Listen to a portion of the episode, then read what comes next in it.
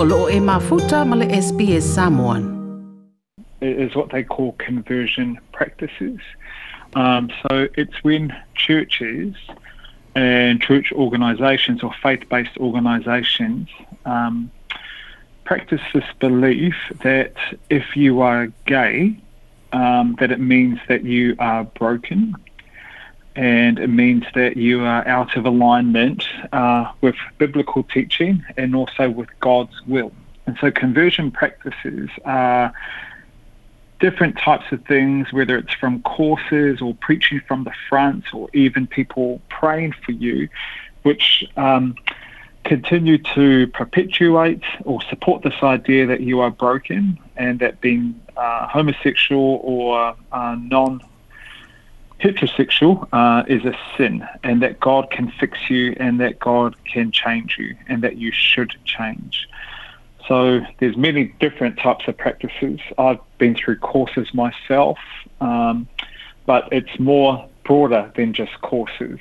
Um, it's just the belief that um, that because you are gay um, or not straight, not heterosexual, that um, you're an affront to God, and that the church and Christians uh, will try to change you so that you can become straight. So I did went through those things because I wanted to. I thought that that was pleasing to God. I knew that I wanted to fit in with my church, and I knew that Christians taught that being gay was sinful, and they also taught that you could turn straight. And I know all of that now is not true. So I think I went through it because I was trying to fit in. What what effect, what impact did it have on you personally? I think the impact it had on me is that every day I thought um, I was, um, I could never be myself. I always thought that I something was wrong with me. I thought that God wasn't happy with me. I thought that I was broken, and I thought that I needed God to change me to make myself more pleasing to Him and to be more pleasing to Him. And I also made me feel that unless I did that, that I wouldn't also be accepted by um, by Christians around me and by the church around me as well. Are you still a practicing Christian, Andre? Yeah, I'm still a practicing Christian, but these days I'm less impressed with the label of Christianity and also with organized religion. So I go to my local church, the church where I used to be a pastor. I'm there every single week unless I'm traveling. But I no longer sort of sign up to the label of Christianity, even. When I look at what happens in America and how Christianity and the religious right has become very political and very hateful and very harmful to many groups, not only rainbow people, but also it's been accused of being racist and prejudiced and xenophobic. When I see that type of uh, portrayal of the church because of their actions, then it makes me not want to be associated with organized religion or even Christianity, the label, but I still follow in the teachings of Jesus. I still believe that there is teachings in the Bible that are helpful to me and to other people as well. I was going to ask whether it is possible that Jesus may have been gay, but let me rephrase that. You know, what can we conclude by the fact that Jesus does not explicitly mention homosexuality? Yeah, I think the Bible has been used by many people to, as a weapon to exclude many people the gay rainbow community. It's also been used, and I think we talked about this last time you interviewed me, to support family violence mm-hmm. against women. So the Bible can be used to weaponize people. The fact that Jesus doesn't explicitly mention homosexuality means that that could be a clue for us in terms of um, the way that he might have um, approached this topic or subject would be very different to the way that the church is doing it now. If I look at the example of Jesus, he was very inclusive. He was always looking out um, to include people into his fold. So there were people that people called sinners at the time, such as prostitutes and tax collectors, or other sinners that the church at that time was excluding. And Jesus was always looking for a way to include them. When I look at the way that he treated people who were uh, foreigners or Gentiles or people that uh, the role of women, he was always inclusive. So I think those things can give us a clue that the way that he would have tackled um, this issue of homosexuality would be very different from the way that the church has. And unfortunately, the church has been very, unfortunately, very harmful, exclusionary, and uh, have kept this community on the outside. And I do not believe that that's the way that Jesus would treat this community if he was here today. The Apostle Paul then would have a lot to answer for, wouldn't he? Yeah, absolutely, he would. Uh, his teachings have been used as other teachings in the Bible against the gay community, against the rainbow people, um, and and also against women as well. There's many churches that do not allow women to preach because of Paul's teachings as well. So we always need to look at those teachings in light of the harms and the impacts that they have on people today. Let's explore the notion of fa'afafine. Do you identify yourself as a fa'afafine? Is a Samoan gay male a fa'afafine? Yeah. First, I want to absolutely affirm and acknowledge the important role of Samoan, of Fa'afafine in Samoan culture, as well as other identities in the Pacific. In Tonga, Fakaleiti, in Fiji, uh, Vakase Lualua, in um, Niue, Fakafifine, and in the Cook Islands, um, Mahu? So I think it's just Mahu in Hawaiian as well, isn't it?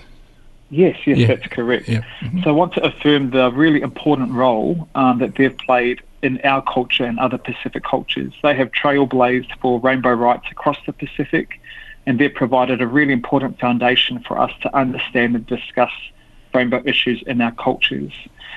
Um, I myself do not identify as fa'afafine. I identify as a cis gay male, which means that my gender identity uh, matches my gender that I was assigned with at birth.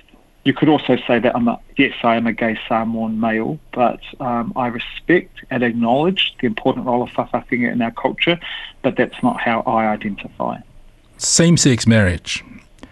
Now legal in both Australia and Aotearoa. If you had a chance to address the Parliament of Samoa on the issue of same sex marriage, what would you say to them? Yeah, I would say that um, marriage is a wonderful thing, and it's a way that people show their love and their commitment to each other. And I really think it's important that people own a relationship. I believe it's important to feel happy about yourself if you're single, but I do believe in general that being in a relationship is healthy for us. It gives us the opportunity to share our life with people, to share our struggles, and to share our burdens. And one of the best ways to express people's love for each other is marriage. And I would say, why would we stop people who are rainbow, who are same sex, from enjoying that privilege? And I think it's a it's not only an honor, it's a joy that everyone should experience. Uh, marriage is a really beautiful institution, and all people deserve to uh, experience that. And and it makes for a better society. It helps people to be happier and who they are, and and allows them to contribute back to society in a really positive way. What's the difference between a Fa'afafine and a Samoan gay male then? Um, it's really interesting that you raised that, Ioane. Last year, in 2019, actually, I was at the International Lesbian and Gay Association Conference in Wellington. It was an international conference. They had people from all around the world. And I was speaking with um, Tuisina uh, Ymania Brown, um, who is currently the co-chair um, of that organisation. It's a international organisation, but she's also the president of this. Um, sorry, she also is a Samoan Fa'afafine as well. And she was there with a really strong contingent of the Samoan Fa'afafine Association who had come over from Samoa. And I remember talking to her, she gave me the most interesting insight. She said to me, You know what, Andre, all these um, international organisations, they come to Samoa and they tell us about gay rights and they tell us about rainbow rights and they tell us about human rights. And then we say to them, uh, actually, Fa'afafine have been in Samoa for millennia and will be part of our family. And she said to me that, you know, it's so interesting in, in Samoan culture. If a Samoan uh, young boy says, I'm a Fa'afafine, or if a girl says, I'm a, you know, Fa'atama, then the response sometimes is from the parents, okay, well, if that's what you are, if you're a fa'afafine, then get to the kitchen and, you know, cook the food. And if you're a fa'atama, then get to the plantation and, you know, mm. or, or do mm. those types of roles. And what she was really saying is that for millennia, that within Samoan cultures, like fa'afafine have fit into the Samoan society. And I and I said, yes, you're absolutely right. But it also made me think of, well, what is the role in terms of Samoan gay males? And it I noticed that at that conference that had so many Samoan fa'afafine that when I looked at Samoan gay males like myself, there were only two others that were there. And I thought to myself, why isn't there more gay, more gay Samoan males here? And I thought that, um, and I'm not a fa'afafine, so I need to watch what I'm saying here. Um, but that in some way, even though Samoan fa'afafine absolutely experience discrimination within Samoan families and cultures and experience violence. We know that for sure.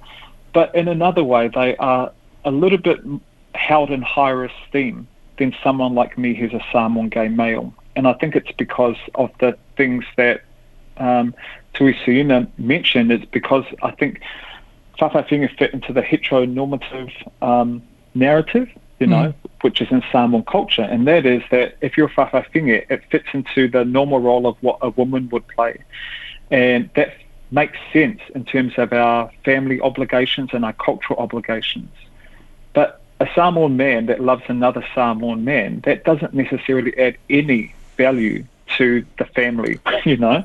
And in fact, sometimes it's shameful because there's so few of us that, that live that out. And so when I think about that, it makes me think that a lot of more work needs to be done. And that's why I think it's important that we have more visible representation of Samoan gay males as well to make it more acceptable for other Samoan males and other Pacific males across the Pacific to come out and not to be scared that they don't have to live in the closet the rest of their life.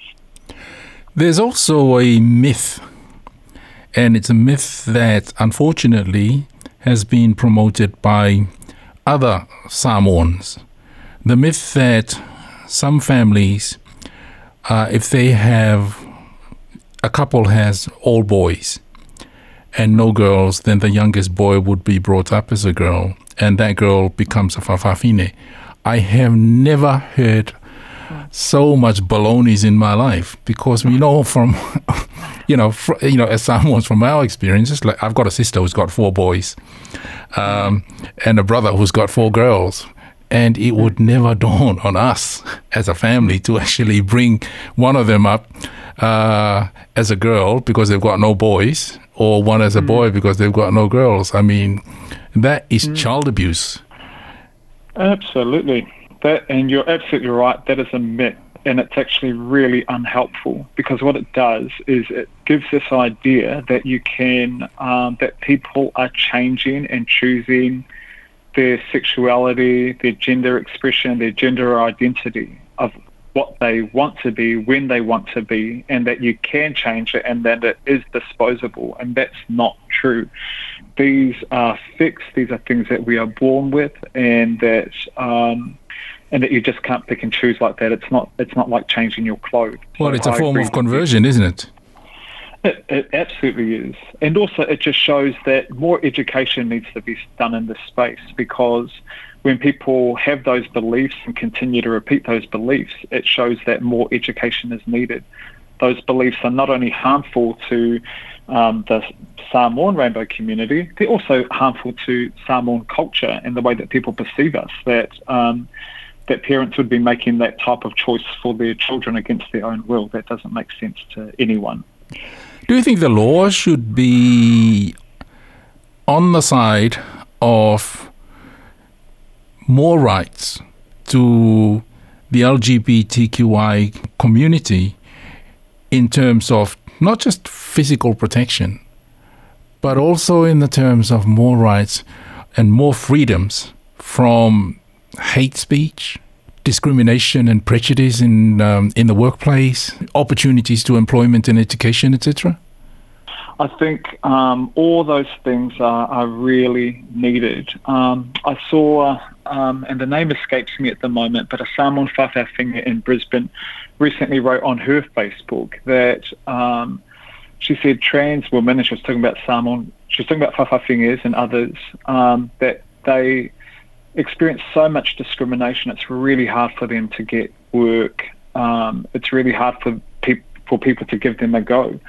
So if you think for a moment that those of us who are Samoan who live in Australia and New Zealand, just by m- mere fact um, that we are Samoan, that we already experience a, many types of discrimination. We experience racism, structural racism, you know, xenophobia. People judge us before they we even open our mouths. And that's all Samoan people in general. I'm not saying that that stops us from thriving it doesn't stop us from succeeding in life, but that's a barrier that we have to deal with.